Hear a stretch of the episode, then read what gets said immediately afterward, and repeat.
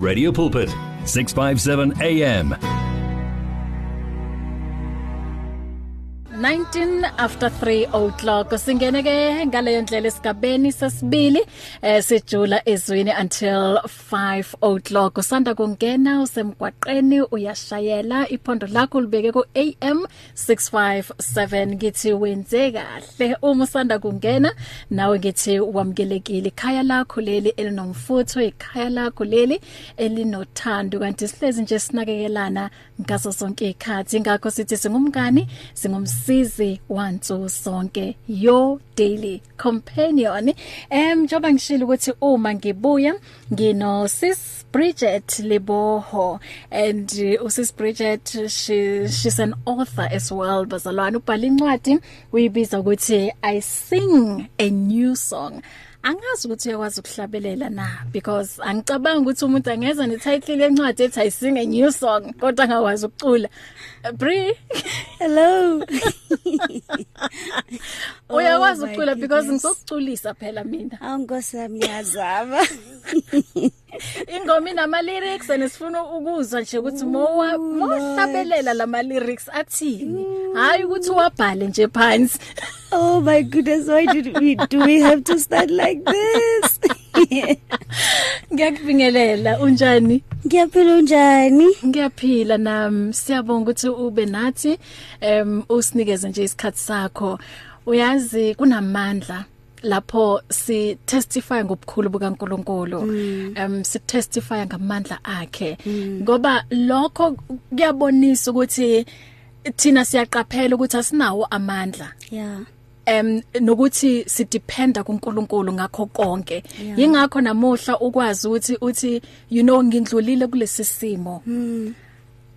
Ingenxa kabani kaJehova? Amen. ngicela babingelele emakhaya. Akasemuhle bazalwane. Yazi Oh, ublondi yazi ublondi. ngicela babingelele Glory ekhaya to God. Um okay, first and foremost, uh let me just do the quick shout out to my parents batswadi ba ka ko gae Uh-huh. eh ba ko Limpopo my mom dumelang and dad. dumelang eh yeah and ke dumedishe batho kaofela who are listening from everywhere uh I've posted on my social media networks uh hore I'll be on radio I'll be on radio pulpit so they are listening. Uh hello my friends and family as well. Yeah. so ke re dumelang ke ke dumedisha ka lebitso le matla la morena Jesu. Amen. Amen. Sis Bridget njoba ke ngichazile ukuthi um, unencwadi oyibhalile yes. and kule ncwadi ukhuluma ngempilo yakho yes. ukuthi uNkulunkulu ukuthathe phi. And then bekunama challenges owabhekana nawo empilweni. Yes. In fact nje singabantu sisonke ukuthi nje sometimes abanye abakabi uh, uh, bold enough ukuthi umuntu angalibeka nje udaba lwakhe kubantu. Kodwa wena uNkulunkulu wakhuluma nathi wakhuluma nawe wathi Bridget now isikhathi ukuthi abantu bangazi through wena yeah. ngalokho ngakwenza empilweni yakho. Yeah. You were a young girl. Mm. Um okhulayo Mm. okuwukuthi kunezinto nje wakena watswa you know? Ke theosa ke nyulusa yebo ufuna ukubona ukuthi makwenziwa lokhu kwenziwani? But it, it happened ukuthi wena ke kwenzeka into kade ungayi expectanga yeah. Okay sitshele nje ngejeni yakho and njoba uyibhalile lencwadi i i believe ukuthi kunalokho okade ukukhuluma ngawe okade u- ukuhlabelela ngawe kodwa namuhla kushintshile. Yes. That is why uthi ucula a new song. Yes. Asiqale ngensindiso. Bridget uyi- uyithole kanjani insindiso? Okay. Um from a very young age uh, I was going to church uh, because it was normal goletseng gona yeah. Uh, everyone was just going to church. Mm. so uh, there was kore no go sena a need ya gore nka dula fase. Yeah. Uh, so I had to just go with the flow. Mm. So that's how I grew up. But um, a time came whereby I had to make a decision ya gore ke amogela morena Jesu as my personal Lord and Savior so that's where the journey started where whereby uh, I took that huge step ya gore you know what I don't want to live anyhow uh, I've heard about Jesus and I think he's a good guy He is. I should Yes. have him in my life. so Yeah. um I took a step um and then kamhela morena Jesu. Mm. Um but life had its own plans and uh along the way of um Nakipolosha uh I I think a lot of people look looked up to me ha ba nlebeletse ba bona ngwana o monyane so Mm. ha o rata modimo eh she she's always at church Church girl. a church girl a Jesus girl Yeah. she's singing at church Eh, kore I was all over the place I Mm. was um very active ko kerekeng and but um there's no guarantee ya gore uh things will not happen the bible mm. says that uh, many are the afflictions of the righteous but the lord delivers him out of Amen. them all Mm. so along the journey um i got tempted um bazalwane let, let's be honest we are not immune to temptation Mm. um we get tempted and when we en we entertain temptation uh re tloela fase Mm. so um that's when eh ke thomileng go ratana Mm. eh ke ska ro ratana e re ke be ka the way leng ka gona ka thoma o jola Yeah. yes so Kana ko no na le bokae? Uh i was around about uh 14 Mhm. yeah a ke a ke ne ke thoma ratana and uh by the age of 15 i i found myself eh ke le pregnant So o ratana ko kae? Akere o o o sister Ola. yes Yes, o ratana hona ka mo kerekeng. Uh no, it Okay. wasn't a guy from church. Yeah. Uh it was a guy ona sa tsebile modimo. Mm. Uh anom um, anomphuraphura rwanrat Hey. le nna ka dumela because there's nothing so sweet as like being told or wa ratiwa Yeah. True. so um and then ra dumellana na le ena and uh nako e tsamaya i became pregnant Hmm.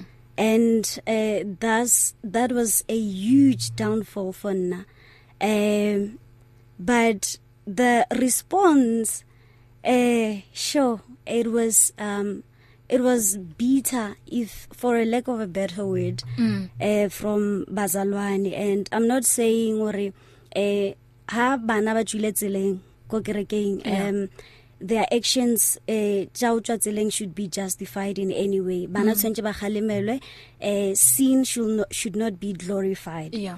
So, um, but uh, I found myself uh, very condemned. I, I firstly condemned myself. Mm. Uh, ke nahana hore, uh, I've committed one of the biggest sins because we've been taught uh, many times or sex before si- uh, sex before marriage is sin. Eh, ha o ka robalana uh, within uh, with uh, within the confines of marriage. Uh, o phosheditse modimo go feta dilo ka moka Mm. but um when i was deep uh singing that song of condemnation uh people came in and bazalwane Mm. gore bankokotela even worse so the song became a place where it was sort of familiar. Gore there was nothing else elong gore i consoled myself with. I don't know I don't know if I make sense but mm. there wasn't any other place or any other refuge I could run to. But anything negative was just um a song or the lyrics of my life mm. by then. So um ha nako ya pregnancy e fitla e fela. And unfortunately I miscarried mm. uh, so um I cried um I'm sorry about that. I'm sorry. ah thank you to lose a child ke pain e botlhoko. yeah Yeah. yeah uh but um surprisingly at that time because emotionally I was not ready or I was not prepared in any other way. I didn't want the child. yeah Uh, let's be honest. So you were confused bila bila I was a 15 year old so Yeah. I didn't know gore ke nyakang mo bophelong. mhm So uh, when when um, I was told uh, go spetlele or when the child was put on my chest uh, and the child was not crying oh um nne sono fihla mme a re ke o ngwana hao a itshepelela and lwena ha o itse gore ngwana wa Lifeless. phela or happy the child was lifeless Mm. gore no sena bophelo you could see mm, mm, mm. uh, and then I tsamaela so um that mourning process ya feta and by then relationship ya ka le modimo was in ICU if I can put it that way Mm. it was non-existent Mm. because I thought um I asked for forgiveness but I still felt or he hasn't forgiven me Mm. I prayed over and over again. I still felt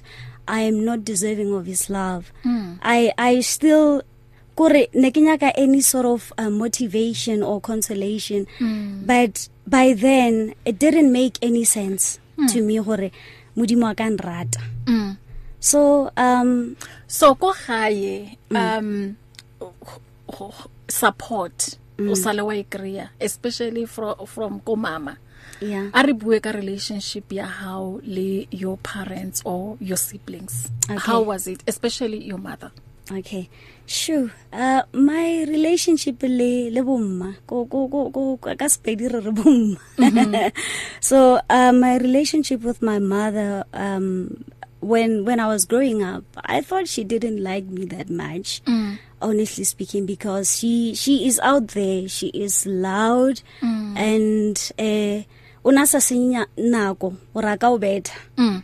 so she was very quick with that Mm.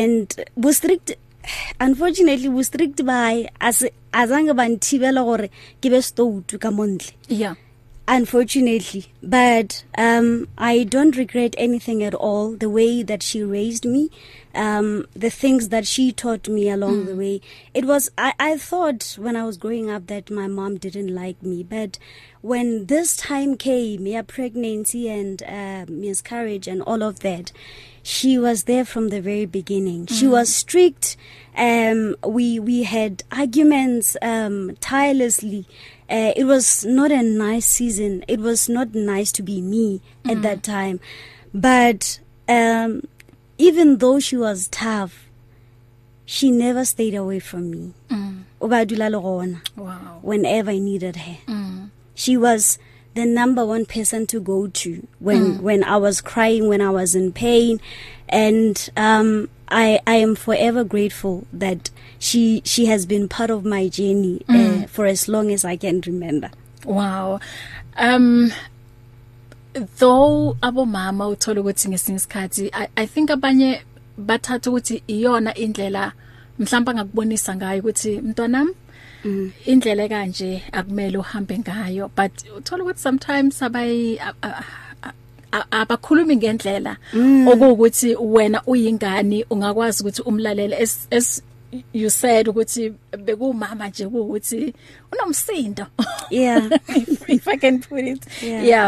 Um that way. So do you think ukuthi mhlambe ukuze maybe uyofuna uthando ngaphandle mm. ingalendlela mhlambe benine relationship ngakhona nomama beni um mengifunda incwadi yakho kunala uchaza khona ukuthi beningana a daughter and a mother relationship so do you think ukuthi ezinye zezinto eze mhlambe za zayenza ukuthi phumele ngaphandle ufune lo thando um I, I wouldn't say that I lacked love from her. Mm -hmm. I just kana kwe nekisa understand uh, I was a confused child who thought my mom was too strict. Uh, she didn't love me enough. But mm. when I reflect on everything that she has done for me uh, I wouldn't interpret that as uh, letloyo yeah. She loved me but she I was think- tough Or na- Yes, was tough nearly love. tough love. Yes, Yeah. if we can put it that way. That was Yeah. tough love. So I think maybe I wanted to be loved in a certain way, and when that happened, it broke me, and Yeah. that's when I sang the song of of condemnation. yeah Yeah. and you, daddy I'm a daddy's girl. Um, He calls me and my my little sister uh, his angels. wow Uh, um, my dad is very he's very calm. Mm. Um a se motho go rogana se motho wa ditlhapa he's he's forever happy man he's forever happy mm. and um he loves people gore he's a cool guy Yeah. if i can put it that way Mm. yeah and kunala uthi mm, menine meni- ninengxoxo wena naye. Um there was a time lapho bekakhuluma nawe akutshela ukuthi you know what my girl? How gola eh o tloba mme eh ke ke- tsela e ke batlang gore o o o- o treat monna wa hao ka yona ke e. So a reng na reng date how rude oh my goodness how to treat your husband ke dithuto tse feng tsa o fileng Oh, tsona my husband is a very lucky guy. Praise the Lord. yeah okay. Uh, I I had a convers. It was just a random conversation. Yeah. Uh, so uh, he said to me, and I remember these words like they were said to me yesterday or a minute ago. Aragona, um, ngwanaka. a gona selo sa o tena monna o tshwana le mosadi ya sa tlhompheng ya sa tlhompheng monna. So in my head i was like he doesn't even know that uh, this thing of submission and respect is even in the word of god. So uh, for me that was mind blowing uh, to hear him say that. Wow wow. Daddy ntatele boho imfundiso zakho angithemba ukuthi aziwela ngaphansi amen so bridget from um ama experiences wakho wempilo yini oyifundile kakhulu Okay. Um firstly um ke hore uh, God loves us. mm. God loves people madly in such a way that their flaws don't even matter.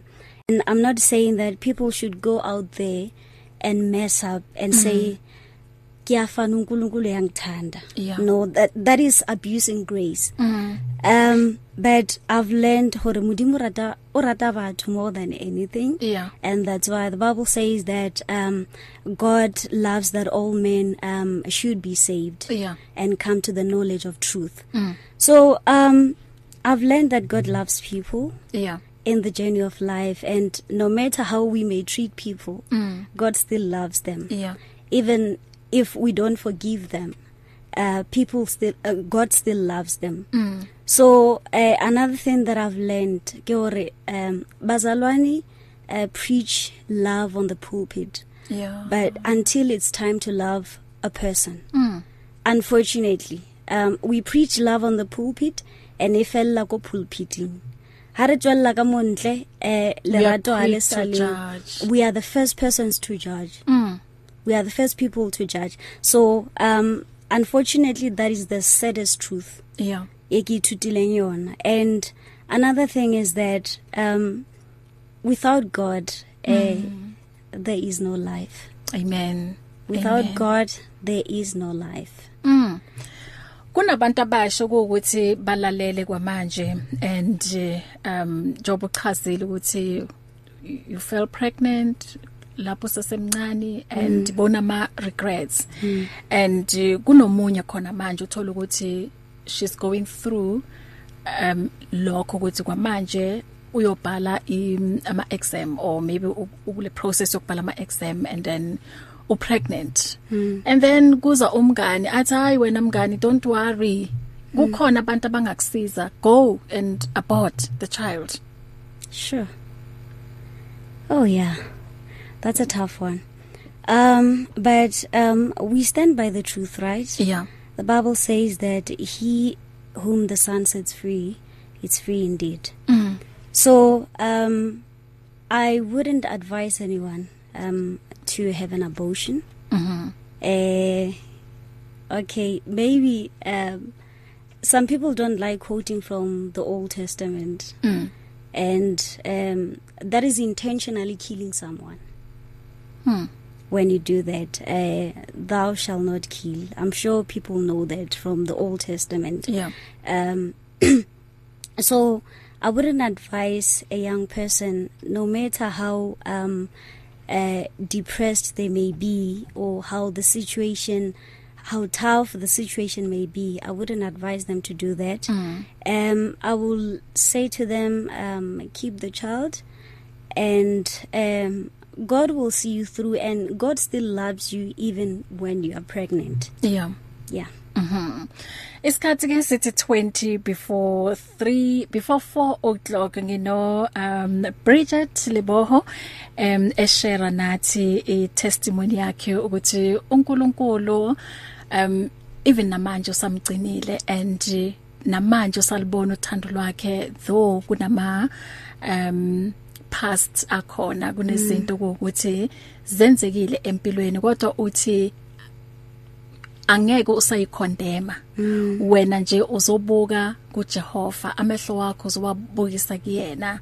Em uyazi nje uphile ngothando lwakhe ngoba uNkulunkulu ngempela uthando and uthando ngoNkulunkulu ngiyabuya. Uma ke uthanda ukukhuluma naye uSis Bridget em zivuliwe incingo 012 3341322 noma ku 012 3338699 012 ngenye yenamba ongayisebenzisa noma ku 012 eh, 012 unga WhatsApp na ku 0826572729 noma SMS ku 37871 ngiyabuya ke emveni kwalokho It is testimony time.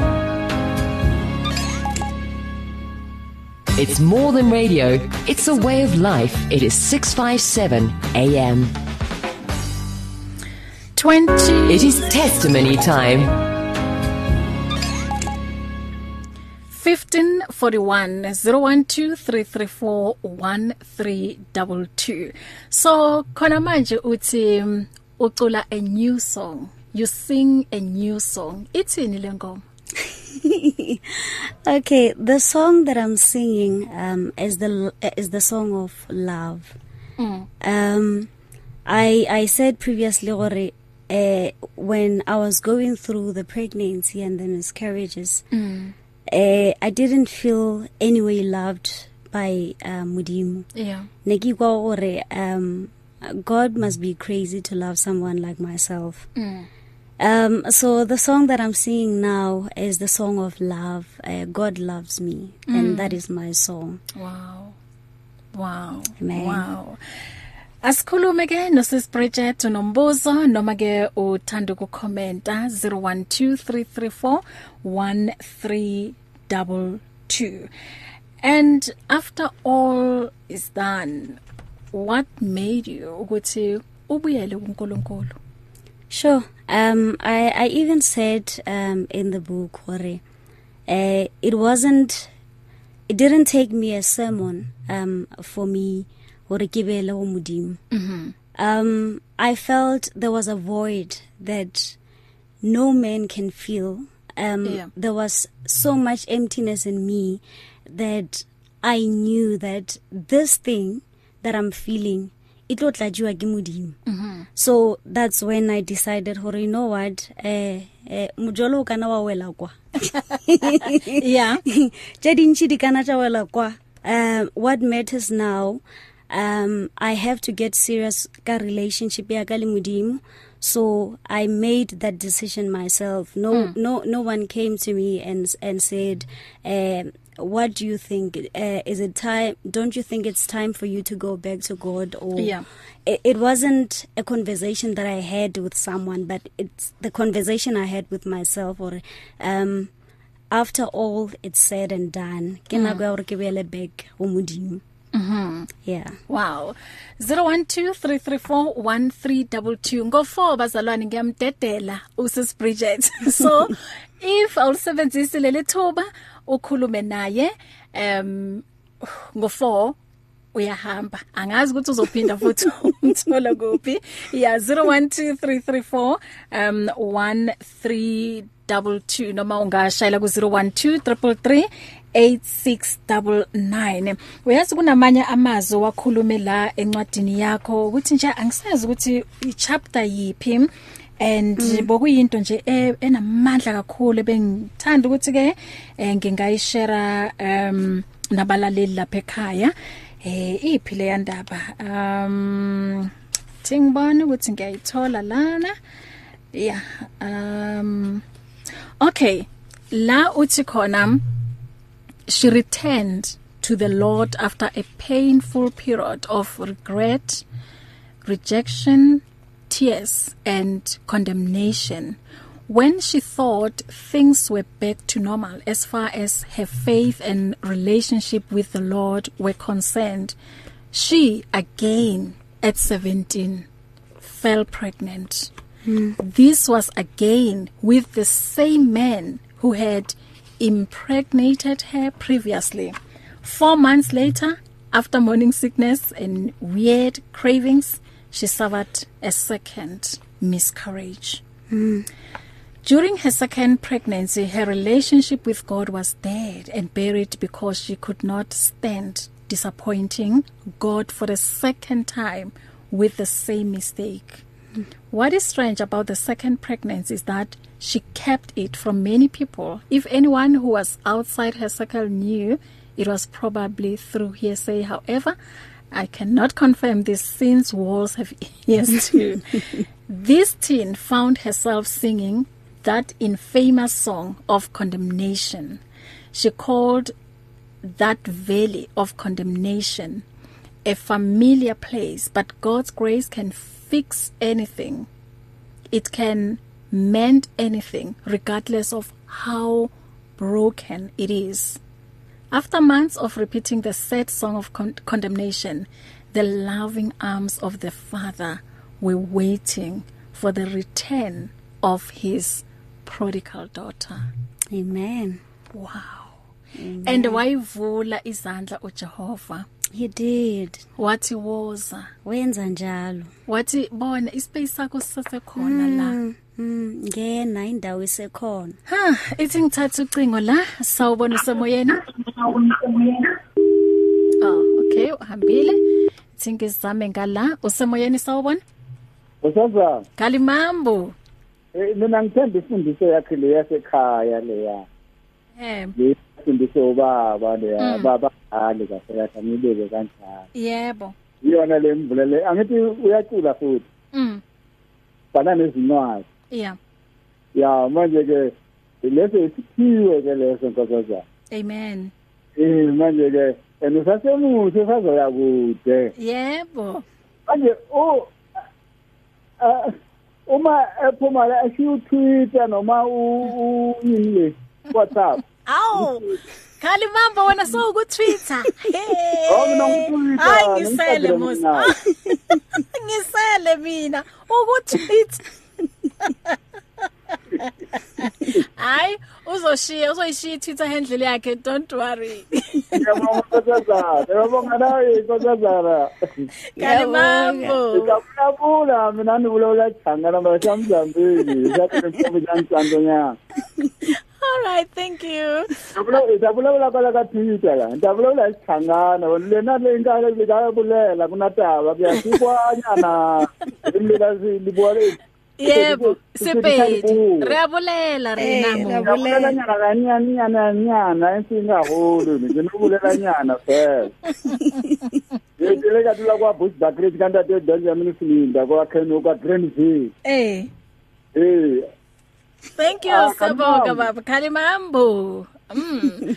Ithi ngiphinde ngibuyele ngala elayinini um ngiphinde ngithatha omunye sawubona semoyeni Hello njani? Siyaphila ma wena unjani?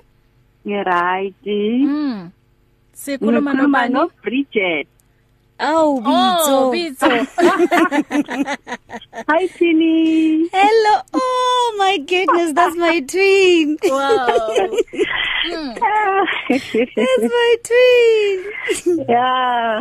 Bridget Libogo, another Bridget here. Aw bathong, thank you so much for tuning in Twin Laka. You know. I'm I'm glued to the radio right now. Thank you. Ke a leboha.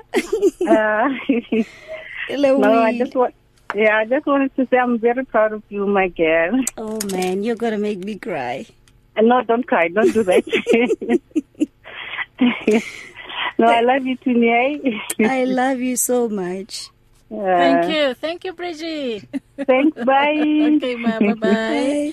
Yeah, um Obangani the author uthi what a catchy title. We are called to worship. We are called to a relationship of love with the Trinity of Heaven. Continue spreading this new song. May your message reach the masses. Amen. Amen. 0123341322 eh triple 3 8699 inamba ongayisebenzisa noma ke unga WhatsApp ku 0826572729 ungathumela ne voice note yakho lapho. Um ithi silalele nansi i voice note. Sizwe ukuthi ke uthini umama la? Shalom shalom bahle siyabonga ngeprogram emnandi sihleli nawe. Umama noxole Phosphorus to God be the glory. Simnikeza udumo simnikeza izibonga simbona ngofana naye. unguJehova sebawoti ungoqala omdala wezinsuku. Siyakubonga Jehova siphakamisela udumo kuwe siphakamisela izibongo. Inhliziyo yami ayiphezulu kusho ukuthi thembeka kwakho kuyisihlangu nehawu. Bayede ngonyama. Amen. Amen. Amen. Siyabonga kumama lapha um Air Force Loras. So Bridget um you know sometimes uma sibhekana um, uh, nobunzima empilweni kunokuthi kube khona ubu stubborn sometimes and then kube khona abantu ukuthi along the way ubazwisa ubhlungu nabo bakuzwisa ubhlungu mm. so today ikuphi ongathanda ukukusho kulabo okuwukuthi mhlambe um bona basacula the old song mm. and uh, mhlambe babona ukuthi waba disappointer empilweni mm. abanye bathi um nerishebile yena as ile sister oyang mm. uh, but uh, are disappointer mm. and nawe kukhona okuwukuthi bakuzwisa ubhlungu mm. eh, ngokukhuluma kwabo njoba usho ukuthi ngaleso sikhathi bowudinga isupport bowudinga uthando kodwa azange uyithole lezo zinto and then kwababhlungu kuwena enhlizweni asiqale ke ngalabo okuwukuthi wena ufila ukuthi mhlambe awubanga nalo ithuba lokuthi ukhulume nabo mhlambe uxolise la ufuna uxolisa khona hmm. and nalabo okuwukuthi um bakuzwisa obhlungu abanye ba aware abanye abekho aware ungathini mm. nakubona Okay. Um firstly um let me say or um people um will disappoint you yeah but um do not expect too much from people yeah um the pe- the best uh person if in inverted commas the best person to look up to and uh the expectations uh, are and promises uh, can be kept mm. uh, yeah uh, look up to God. Um, the Bi- the Bible says that um, His promises in Christ Jesus are yes and amen. Mm. So look up to God, and to everyone that uh, I have disappointed, to everyone that I have wronged uh, through my wrongdoings and uh, my utterances. Uh, ke kgopela tshwarelo.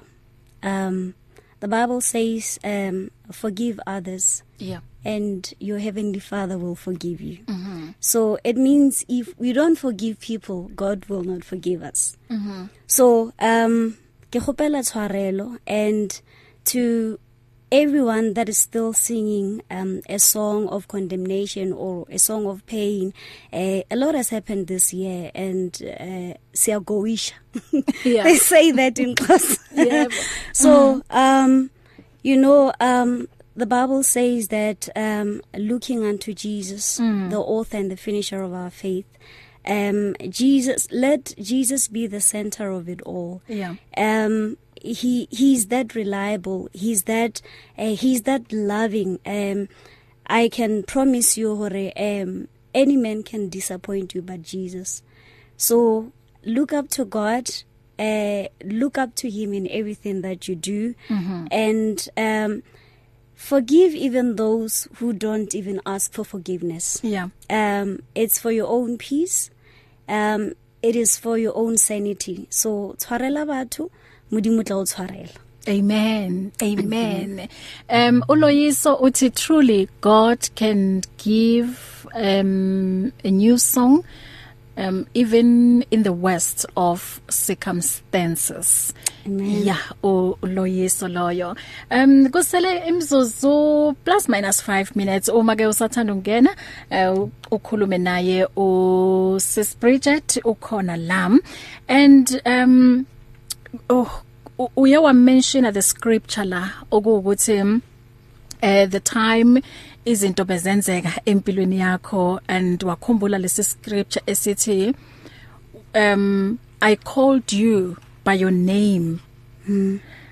wa washo la ukuthi I might have been labeled with bad names because of izinto zenzile um but uNkulunkulu knew ukuthi ama circumstances la obhekane nawo um would not erase his nature and Christ identity in you for him I live move and have my being Amen. uthi your identity lies kubani ku Christ wow that is Amen. powerful Bridget Amen. Amen. You know, the thing is um people have a tendency of calling eh batho ba bangwe um according to what they are going through. Mm. Um uh, we can even see that in the Bible. We know the woman of the issue of blood. Yeah. We know Bartimaeus where um he was a blind man Mm. and there was also another blind man. So people have a tendency of that. Yeah. Uh, of, of calling people according to uh, their disability or what they are going through. But that's not what we find when mm. we read the Bible. Uh, the Bible says that God calls us by our names. So Mm. if people call you by what you've went through, uh, it is not for them to um, uh, give you an identity. Your identity is not from people. Your identity is not from your pain. Your identity is not from whatever people may choose to call you, but your identity is from Christ Jesus. Amen. So don't you ever allow that. Mm-hmm. Allow God to call you by what He calls you. You Yes. are the beloved of the Lord. You are the righteousness of God. You are the redeemed of the Lord. Amen. Amen. Amen. Hmm. Isikhathi ke sithi 2 before the uh, 4 o'clock. Um ngicela ukuthi ngikudedele kube kuhle ukuthi sibe nawe and then laba abangathanda ukuthi baxhumane nawe bakuthola kuphi. Okay. Um thank you so much um once again for the opportunity. Uh I am available on Twitter. Um I am at Bridget Leboho. I am also available on um Instagram at Bridget Leboho and on Facebook as well Bridget Leboho. Mhm.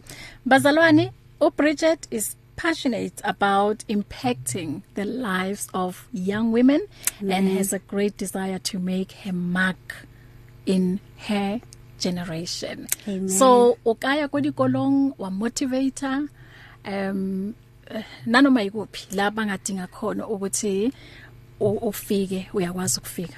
Amen. Uyakwazi Amen. ukufika. I I can do that. Amen. U- Ushare your WhatsApp number? Uh no, I didn't. Okay, bazokuthola ku social media. Yes. Uzwile ukhalimamba uthi yena bona ukenile inthongo uko Twitter. Ah, re tla kopana Yeah, le tla ona. kopana gona go Twitter, le tla kopana go Instagram, le tla kopana eh le go Facebook. Mangete, thank you so much ngalomyalezo onamandla uthi we are tuned in, we are revived. With a thank you my dear sister, the Lord bless. Um the Lord increase you, continue to impact the world with your show. Thank you so much. Amen. Hmm. Hey Bless angibusisa you. labazi. Sesibridget siyabonga and ngithanda ukuthi ngikuphelezele ngalomhlabelelo. Eh ngempela uJehova kahlulwa ilutho Amen. and eh, kunamandla um egazini lakhe. Um there is power nase um egameni lakhe to break every chain. Amen. so uyazi nje wasusa konke.